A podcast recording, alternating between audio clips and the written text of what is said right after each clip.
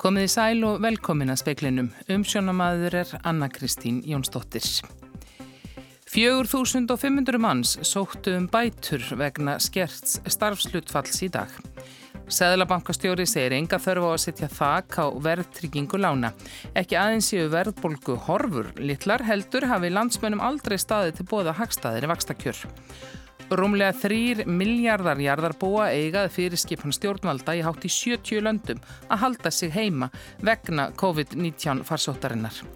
Sérstök farsóttardeild, COVID-deild hefur verið opnuð á sjúkrásna Akureyri, öndurnar vélum farverður fjölkaðum tvær. Og fyrsti fórsti Alþjóðsambands Íslands er ekki komið til greina að fresta umsöndum launahækkunum við næstu mánaðamót. Viðskiptar á teilur að til greina komið að fresta þeim vegna ástandsins sem nú ríkir.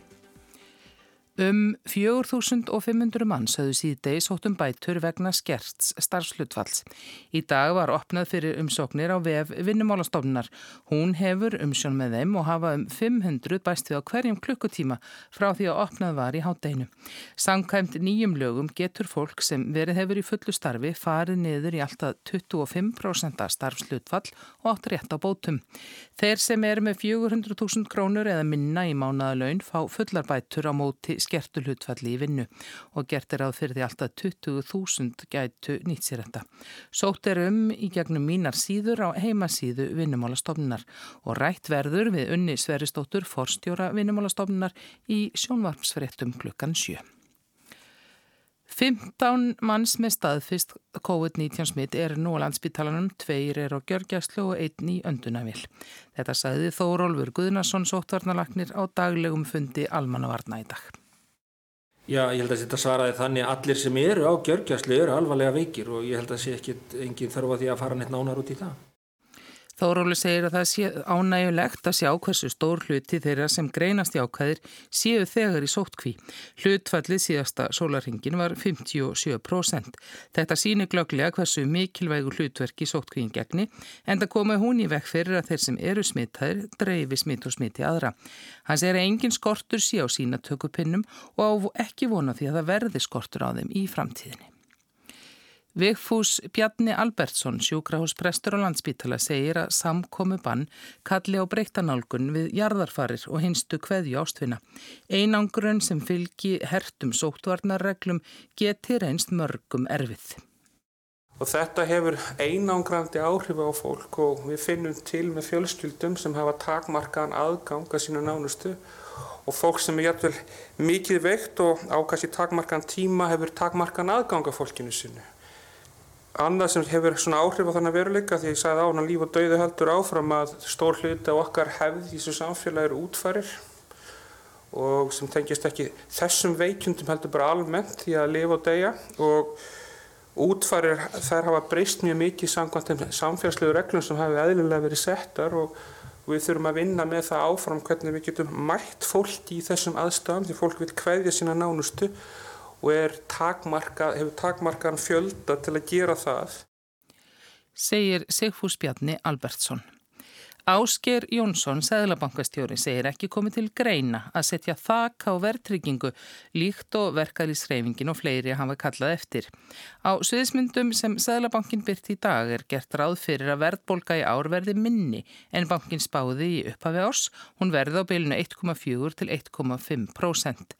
Það og svo staðrinda heimilu og fyrirtæki í landinu búi við mun betri vaksta kjör en nokkuð tíma áður gerir alla umræðu um þak á verðtryggingu ótímabæra.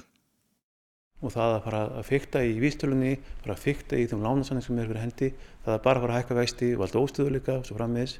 Það er kröfu sér einhverju leiti fyrstulega ekki tímabærar og öðru lagi tel ég að menn vera að horfa ekki bara á verðringaþáttin, heldur líka vakstaþáttin. Við erum að tala um miklu lægri vexti og lánum til heimilana núna heldur um orðum bara fyrir tveimur árum og þau muni halda lækna sagði Ásker Jónsson og það skal áréttað að hér fyrir var rætt við Vigfús Bjarnar Albertsson sjúkrásprest á landsbítala. Yfir þremur miljardum jarðarbúa í hátt í 70 löndum hefur verið skipað að halda sig heima til að hamla því að koronaveiran sem veldur COVID-19 sjúkdómnum breyðist út. Þetta kemur fram í samantækt AFP fréttastofunar sem fylgist stöðut með útbreyðslu farsóttarinnar. Þar munar mestu um 1,3 miljardar indverja sem í gerð fengu ströng fyrirmæli með skömmum fyrirvara um að fara ekki út úr húsi næstu þrjár vikurnar. Það leti til þess að landsmenn þurstu í matfuruverslanir í ofbóði og tæmdu þar hillur af hrísgrónum, linsubönum og öðrum helstu nöðsynja vörum. Stjórnvaldi fleiri löndum, svo sem Argentínu, Breitlandi, Fraklandi, á Ítalíu og Spáni hafa einnig skipað fólki að halda sig heima nema það eigi brínt erindi út. Sumulegðis nokkur ríki bandaríkjana. Annar staðar hefur verið sett á tímabundið útgöngubann og sótkví á samt því að fólki er skipað að halda sig í hæfilegri fjarlæð hvert frá öðru. Vegna efnahagslegra afleiðinga farsóttarinnar hafa leðtúar G20 ríkjana, 19 helstu innríkja heims og Evrópusambandsins verið bóðaðir til fundar á morgun. Hann verður haldinn með fjárfundarbúnaði undir stjórn Salmans konungs Sáti Arabíu sem er í forsæti hópsins um þessar mundir. Gaggrínt hefur verið að leðtúahópurinn hafi brúðist senkt og illa við vandanum. Ásker Tómasson sagði frá. Forstöðu hjúkrunafræðingur hjá sjúkrásun og akkuriri segir að starfsfólk sé vel undirbúið því að taka á móti fólki með koronaveiru smitt. Tvær öndunavélar eru væntanlegar til sjúkrásins í viðbót við þrjár sem fyrir eru. Í síðustu viku lög endurskipulagningu á starfsemu og húsnaði sjúkrásins til að takast á við koronaveiru faraldurinn. Kristín Margret Gilvardóttir er forstöðu hjúkrunafræðingur sérstakar COVID-deldar sem þar er nú tilbúin eins og síðast í sína influensufaraldunum þá var barnadeildi nóttu sem nokkus konar smittsjúkdómadeild. Það var sama hugsi núna nema hvað núna myndi, vildi við reyna einangra þetta svolítið betur og við höfum tekið núna helmingin af barnadeildinni undir COVID-einingu. Þannig hafi skapast tíu rými sem nú nýti sem smitt sjúkdóma eining. Þá tilheri deildinni sérstakt leknateimi, auk hjúkrunafræðinga og sjúkraliða. Þess utan sé í gildi viðbrasáatun fyrir allt sjúkráðsið, auk samstarfs við helsugjastluna og við höfum tekið núna mótiðinum þrejum fjórum sem hafa komið til okkar með grunn og hingað til enginn sem hefur komið sem hefur fengið staðfest í ákvæmt. En svo framöfu komið eru þrjár öndunavélar á sjúkrásun á Akureyri og Kristins hefði búið að panta tvær til viðbótar.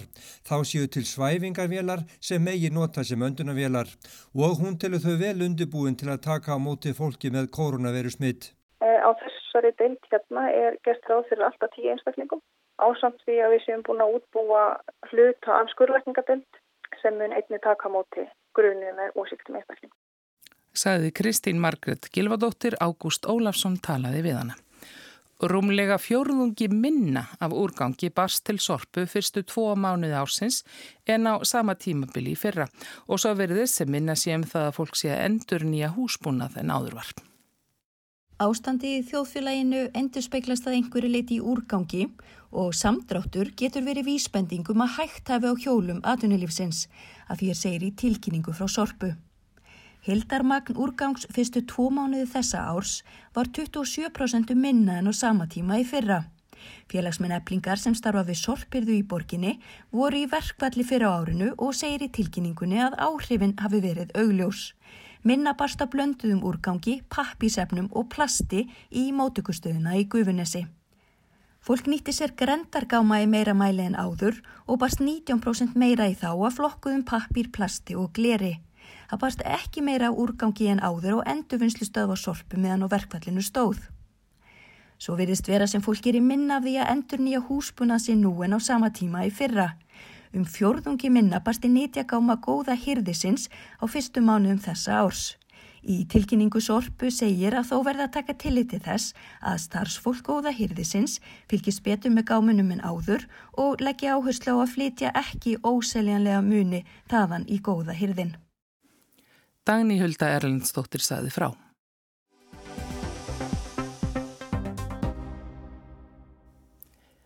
Framkvæmda stjóri viðskiptaráðs telur að til greina komið að fresta launahækkunum sem samkvæmt kjærasamningum eiga að vera um mánamótin en svar verkalýsreifingarnar er skýrt. Það kemur ekki til greina. Hins vegar megi huga að einhverjum öðrum leiðum. Það er komið að því að laun hækki öðru sinni samkvæmt lífskjærasamningnum sem gerður var í fyrravorm. Fyrri hækkunin er hljóða upp á 17.000 krónar hækkun mánaðalauna.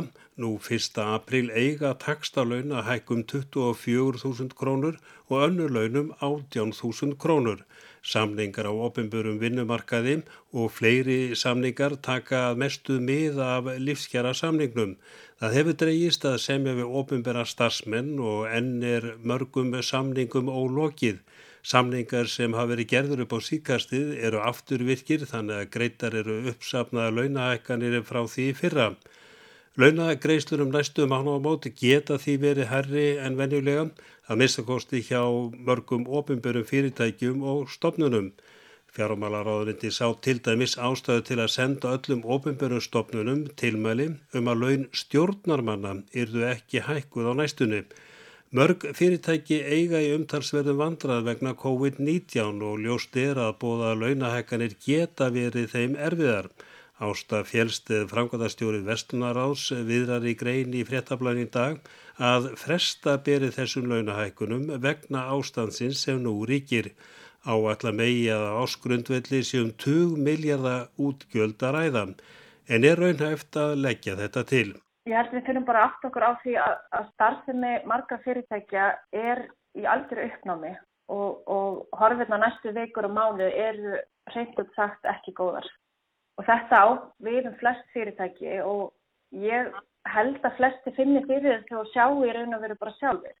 Eh, þetta er vissulega ekki vinsal skoðun en það er óraunhægt að fyrirtæki getur tekið á sig launahækkanir ofan á allt annað sem þau eru að kjást við í því ástandi sem við eigum við að etja nú. Og við getum líka hugsaðans út í það að, að þessar hækkanir og um þessar hækkanir var í raun og veru samið við allt aðra aðstæður en eru uppi núna og þess vegna veldi ég þessu upp hvort ekki með þá sláðum og frest allavega og, og, og ég er að sláða það um leik hvort að, að einhverju marki með verja þá sem lagstulaunin hafa því út af það gekk náttúrulega lífskjara samningurinn uh, á sínum tíma. En hver eru svör verkarisreifingarinnar? Einfalda svarið er nei. Það kemur ekki til greina að fresta fyrirhuguðu launahækunum. Viljámur Birgisson formaður verkarísfélags Akranes og fyrsti varafórsiti alþýðisambansins segir hins vegar að hugsaðlega komi aðrir möguleikar til greina á þess að nefna þá. Launafólk hafi þörf fyrir þessa peninga í remmingunum sem nú gangi yfir, auki neistla hjálpi líka fyrirtækjum og þjónustum, en að fresta launahækunum komi ekki til greina. Nei, það mun ekki koma til greina og ég held að við í verkarsefningunni séum sammálega um það, en við erum hins vegar alveg meðvirknuð um það að Við þurfum einhvern veginn að finna lausnu þessu vanda sem að núna er og það eru fjölmörg önnur aðriði sem að er hægt að skoða en það mun ekki koma til greina afsala sér til launahæklunum sem við gerum í lífstæðarsamlingum við ætlum að verja. Sagði Vilhjálmur Birgisson, Arnar Páll Haugsson tók saman.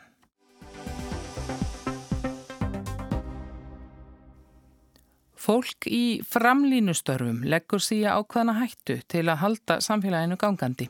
Það hittir fjölda fólks á hverjum degi og er því kannski útsettar en margur fyrir smiti.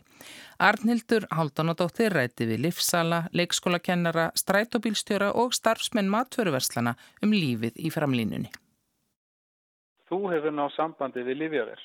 Kæru viðskiptavinnir vegna viðpráðs áhallunar COVID-19 hefur starfsmennu verið skiptið í hópa sem hefur í för með sér aukið álag og lengri byggtíma. Sætis K.R. Gíja, livsali í Livjaveri við Suðurlandsbraut, segir að sér finnist hún mjög vel varin. Fyrirtækið gerir allt sem það geti. Það sé búið að setja upp glér sem aðskilur starfsfólk frá viðskiptavinnum og allir séu með hanska og grímur. Það er brjálað að gera, sérstaklega á mornana. Svo virðist sem fólk flikkist í apotex nemmadags vegna þess að það heldur að þá séu færri á ferli. Þegar opnar klukkan nýju er laungröð hér fyrir utan, segir Sætis. Fólk sé að sækja livseðilskild liv en líka mikið að kaupa spritt, hítalækandi verkjalif, hanska og annað tengt faraldrinum. Hún segir að fólk virðist mjög hrætt, þannig velji margir að býða eftir livjunum út í bíl og starfsmenn ringi svo í þá þegar livin eru tilbúin til afgreðslu. En fólk er ekki bara hrætt, Sætis segir marga líka reyða og dónalega. Starfsfólk apoteksins hafi síðustu daga fengið yfir sig ímis fúkirði. Tekið hefur verið fyrir skil á vörum vegna ástandsins og Sætis segir að einn viðskiptavinnur hafi tekið því mjög illa að með ekki skila og lísti yfir að hann vonaði að starfsmenn Livjavers fengju COVID-19. Annar viðskiptavinnur kallaði samstárskonennar nöfnum sem hún vill helst ekki hafa eftir. Sætis segir að svona hafi þetta ekki verið áður. Hún telur að þetta breyta viðmót fólks tengist faraldrinum. Margir séu aggressífir og tillitslausir, komi reyðir inn í apotekið og láti reyðina bitna á starfsfólki. Hún og samstarfskonur hennar séu oft alveg búnar á því eftir vinnudaginn. Sæti segir að þessa dagana sé hún bara í vinnunni og svo far hún heim. Þetta sé svo mikilvægur vinnustadur og því passun sé að smitast ekki. Maðurinn hennar fyrir búðina og heima fyrir er spritt við hverjar dyr.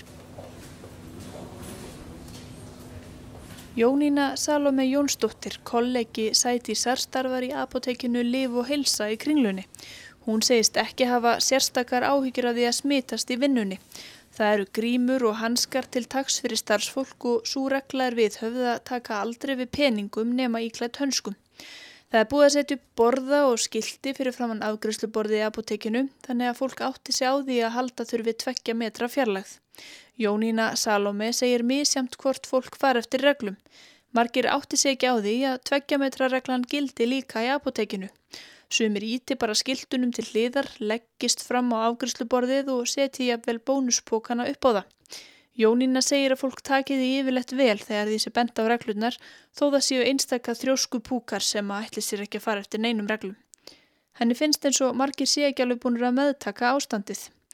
Fyrst eftir að samkominnbanni tók gildi fyrir rúmri viku hafi fólk staðið sér vel en svo fór að fjara undan því. Á förstu dag leist hann ekki á blíkuna. Þá hafi verið eins og allir hafi verið búin að gleima þessu.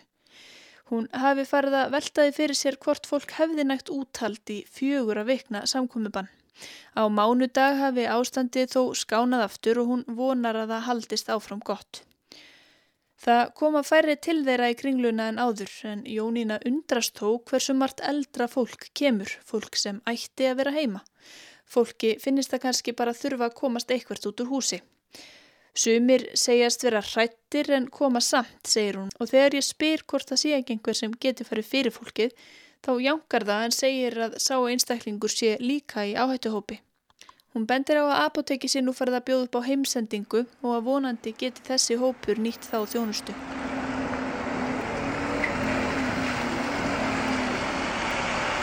Tóni Espersen, strætóbílstjóri til 5 ára, segir að sér finnist hann ekki verið meiri hættu en hver annar. Vakstjórar hafi verið girtir af og fjórar sætaraðir millir þeirra á farþegan í strætó. Tóni segist ekki alveg laus við stress vegna faraldursins og vonar að hann eigi eftir að smittast en að fyrirtækið sé að minnst okkosti búið að gera talsvert til að minka möguleikan á því. Strætó hefur breytt vinnutíma vakstjóra og þeir mæti ekki lengur allir á sama tíma í vinnuna. Við hópumst ekki lengur saman til að fá okkur kaffi, útskýrir Tóni. Flestir fari bara beint í vagnin þegar þeir mæti til vinnu. Hann segir að farþegum hafi fækkað umtalsvert síðustu daga. Þar með hafi vinnu um hverfið í raun orðið örugara af sjálfu sér. Farþegarnir haga sér vel að hans sögn um leið og fólk kemur inn, skannar það vagnin með tilliti til þess hvar sé best að sitja þannig að það sé ekki nálagt öðrum. Tóni sér fyrir sér að vagnarnir aki áfram því eins og er gangi þetta bara vel. Daglegt líf Tónis hefur tekið nokkrum breytingum. Það er ekki svo langt síðan maður byrjaði að breyta sínum vanagangi og heimsóknum, segir hann. Hann færi nú beinustu leið í vinnu og beinustu leið heim, hitti enga hópa og stoppi stutt í búðinni þurfan þángað. Skólastarfsmenn segjast margir stoltir af því að vera í framlínunni á þessum erfiðu tímum en sumir hafa þó áhyggjur. Ítalskur grunnskólaleiðbeinandi með undirliggjandi sjúkdóm saðist í samtali við speilin neykslaður á því að skólanir væru en opnir. Að hans mati ættu stjórnvöld hér að grípa til mun harðari aðgerða til að forða því að ástandið hér verði eins og í heimalandans. Leikskólakennari sem speilin rætti við segir að tengslinn í leikskólanum síu svo náinn og því erfitt að halda tveggja metra fjarlæð frá börnunum og það neyti líka engin tveggjára barni um knús. Mórallinn í skólanum sé góður og allir tilbúinir að leggja sitt að mörgum en sumum finnist starfsfólk leikskóla hafa glemst í umræðinni. Það sé alltaf verið að tala um að það sé lægi að halda skólunum opnum því börn fái væg enkenni og smiti síður aðra en það sé ekkert minnst á kennarana. Í leikskóla kennara stjætt sé mikið af eldra fólki og sumt með undirlíkjandi sjúkdóma og þá hafi margir áhyggjur af því að bera veiruna með sér heim, smita maka eða fjölskyldumæðlimi sem séu veikir fyrir. Kennarin segir leikskólastjóran liðilegan þessi engin pressa lögða þá sem ekki treysti sér til að mæta. En það ríkið og ákveðin óvisa um það hverjir séu í áhættuhópi. Leðbynningarnar mættu að hennar mati vera skýrari. Eins og staðan er núna fá þeir sem fara í svo kallaða verndar sóttkví vegna undirlíkjandi sjúkdóma og get ekki unnið að heiman ekki endilega greitt laun. Það er undir vinnuveitandanum komið. Deildarstjóri á leikskóla sem hafði samband við speilin tekur undir áhyggjur leikskólakennarans. Það gleimist að yngstu börnin séu yfirleitt kvött með kossi fóraldrana og komi svo beint í fangið á starfsfólki.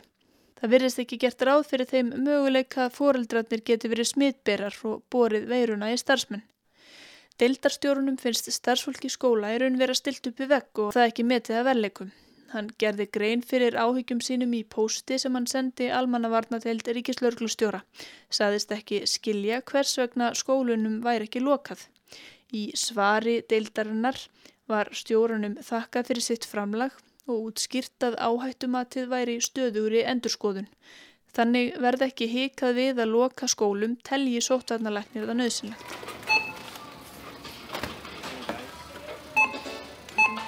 Afgreðslumadur af Erlendum uppruna segir að sér misbjóði hegðun ungmenna.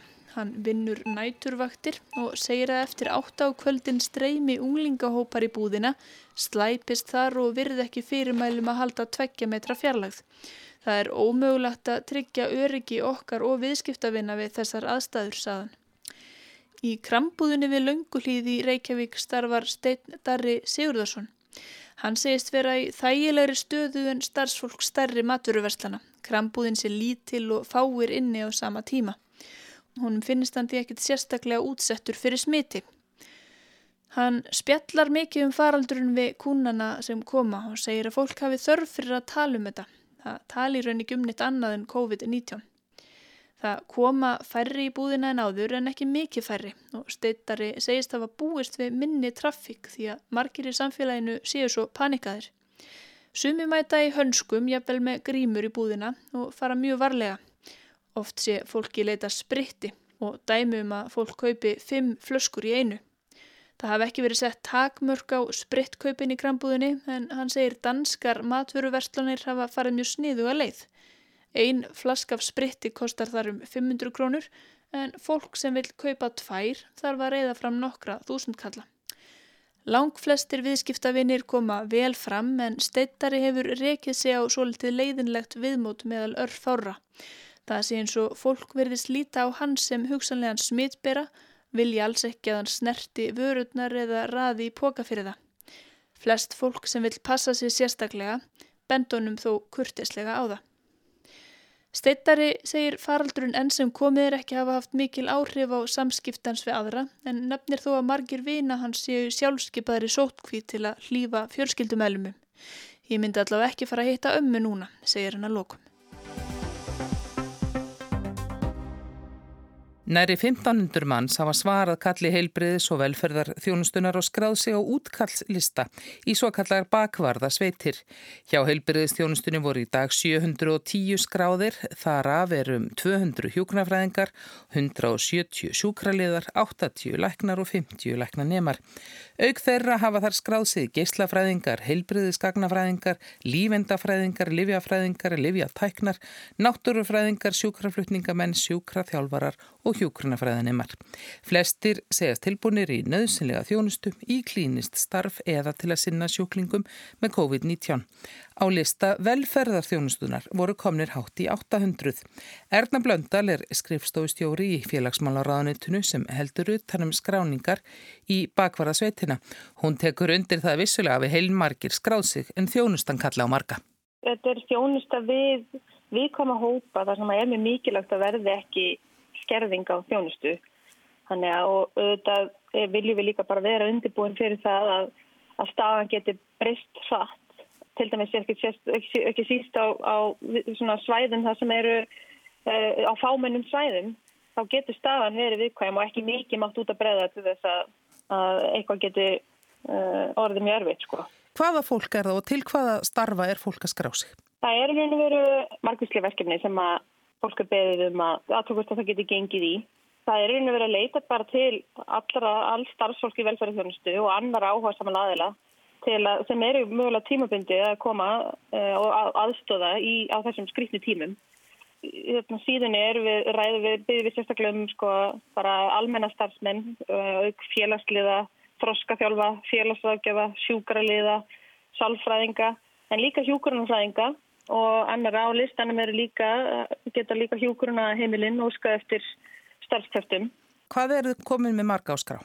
Þeir eru um 800 manns, rétt rúmlega núna, sem að hefna, hafa bóðið fram sína starfskrafta og, og við vorum eiginlega bara sko, yfirþyrmt af sko, því hvað það er mikil samhugur í samfélaginu. Það fólk vil hjálpa og við vilja, það sjá allir að núna er þörf og við þurfum bara alltaf að standa saman til þess að komast í gegnum þetta. En þetta eru þetta, þannig vinna að við þurfum að fá fólk á listan. Þetta er slík þjónusta, sólarhengstjónusta sem má ekki falla niður. Þannig að við erum þetta byggðlum til bara allra þá þeirra sem að geta hugsa sér að taka þátt og, og að fara inn og skrá sig. Þetta er að gera það á síðunni bæði hjá Sambands Íslenska Sveitafélag og einn á síðu líka félagsmálarandsins. Er þegar búið að sækja fólk til starfa af þessum lista? Já, það er allavega fjögur sveitafélag að myndkusti og, og eða fleiri núna og, og einhverja stopnarnir sem hafa þegar óskað eftir. Fólk af listanum hefur þegar tekið við og hafið störf Þannig að það virðist ganga vel og við erum meirins að reyna að þróa núna með sveitafélunum ferðlast þess að reyna að stitta ennþá meira þann tíma sem að getur tekið en þetta virðist í flestum tilökum getur, getur tekið við stittan tíma að fólk, eh, sveitafélug fá þá aðganga listum eða fólk sem er tilbúið að vinna með þeirra svæðum eða við, við þá þjónustu sem um, er umbeðin og það getur verið ansi stutt tími þá getur fólk bara að koma til starfa strax. Þeir sem hafa verið að skrá sig hjá okkur, er þetta fólk sem er hægt að vinna eða er í hlutastarf og getur bætt við sig að hvaðan er það að koma? Það er eiginlega bara mjög fjölbreytt. Það eru langflestir sem eru í vinnu og eru kannski að vinna einhver annar staðar en tilbúinir að stökku yfir en, en margir sem eru tilbúinir að gera þetta í hlutastarfi með taka kannski auka vaktir.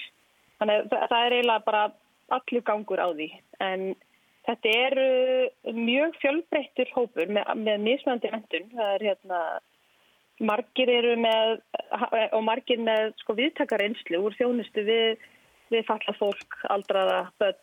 Því að það má kannski líka segja það að koma því á framfæri að auðvitað hefur þessi, sko, hafa þessi framleginu starfsmenn í félagsþjónustu og velferðarþjónustu og umönnunar störfum eiginlega bara verið að lifta grættistakki og bara verið, eitthvað ótrúlegt fróskilið fyrir það hvernig það er búið að, að vinna með þessar krefðenda aðstæðar sem hafa komið upp í sumu sveitafélagunum. Það sem að skjólstæðingarnir og þeir sem að þurfa þjónustinu halda eru alltaf settir fremst. Við sjáum það bara að, að það er þessi einhvern veginn eining og samhauður í samfélaginu að við ætlum að komast í gegnum þetta. Við finnum það bæðið þessum lista en líka hjá öllu starfsfólkinu sem er þegar á vettvangi að vinna.